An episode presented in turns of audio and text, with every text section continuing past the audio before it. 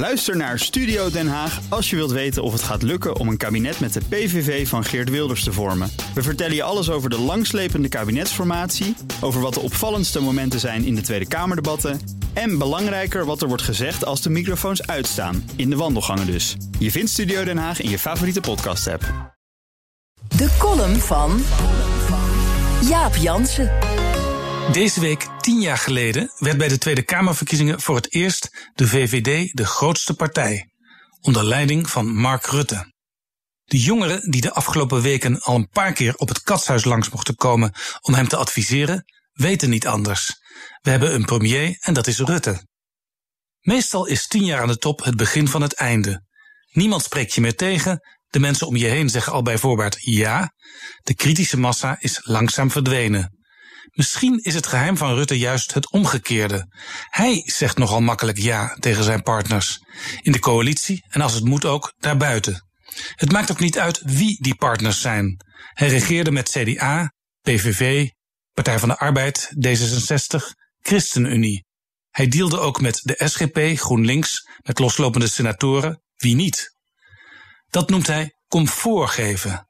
Een van zijn voorgangers, Ruud Lubbers, zei al gauw: Zal ik even met je meedenken? Waarna hij je horendol maakte met nieuwe ideeën en alternatieven, ook als je al lang akkoord was gegaan.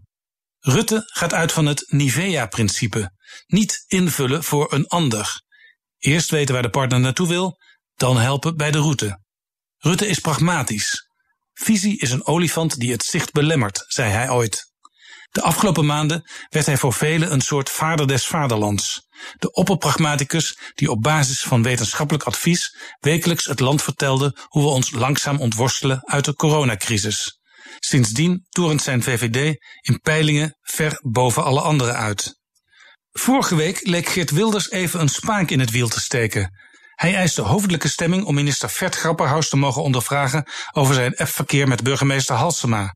Minder dan de helft van de Kamerleden bleek aanwezig, waardoor volgens het reglement van orde, wat Wilders als geen ander kent, het hele debat met Rutte over corona voor de rest van de week geschorst dreigde te worden. Wilders liep weg, Kamervoorzitter Gadisha Ariep praatte op hem in, paniek.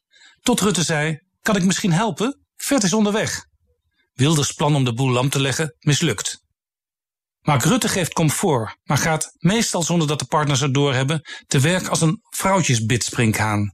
Ze eet het mannetje op. Dat begint soms al tijdens de paring. Sinds de samenwerking in Rutte 1 is Wilders politiek impotent. Na Rutte 2 verloor de Partij van de Arbeid het grootste aantal zetels uit haar geschiedenis. In Rutte 3 kijken CDA en D66 angstig naar de peilingen. Regeren is halveren. Als Rutte in New York is, gaat hij altijd even langs bij Henry Kissinger, de hyperrealist. Hij wist hoe je het China van Mao comfort kon geven en zorgde voor een diplomatieke doorbraak. Onlangs daagde Rutte de jongeren van Nederland uit en riep ze op tot revolutie. Misschien had hij het er wel met Kissinger over gehad. Mao porde de jongeren op tot de grote culturele revolutie. Dat werd een ramp, maar het hielp de oude roerganger wel de macht te behouden. Kissinger adviseert nog altijd heel wat wereldleiders. Hij werd onlangs 97. Mark Rutte is pas 53. Ook hij kan nog een hele tijd mee. Columnist Jaap Jansen.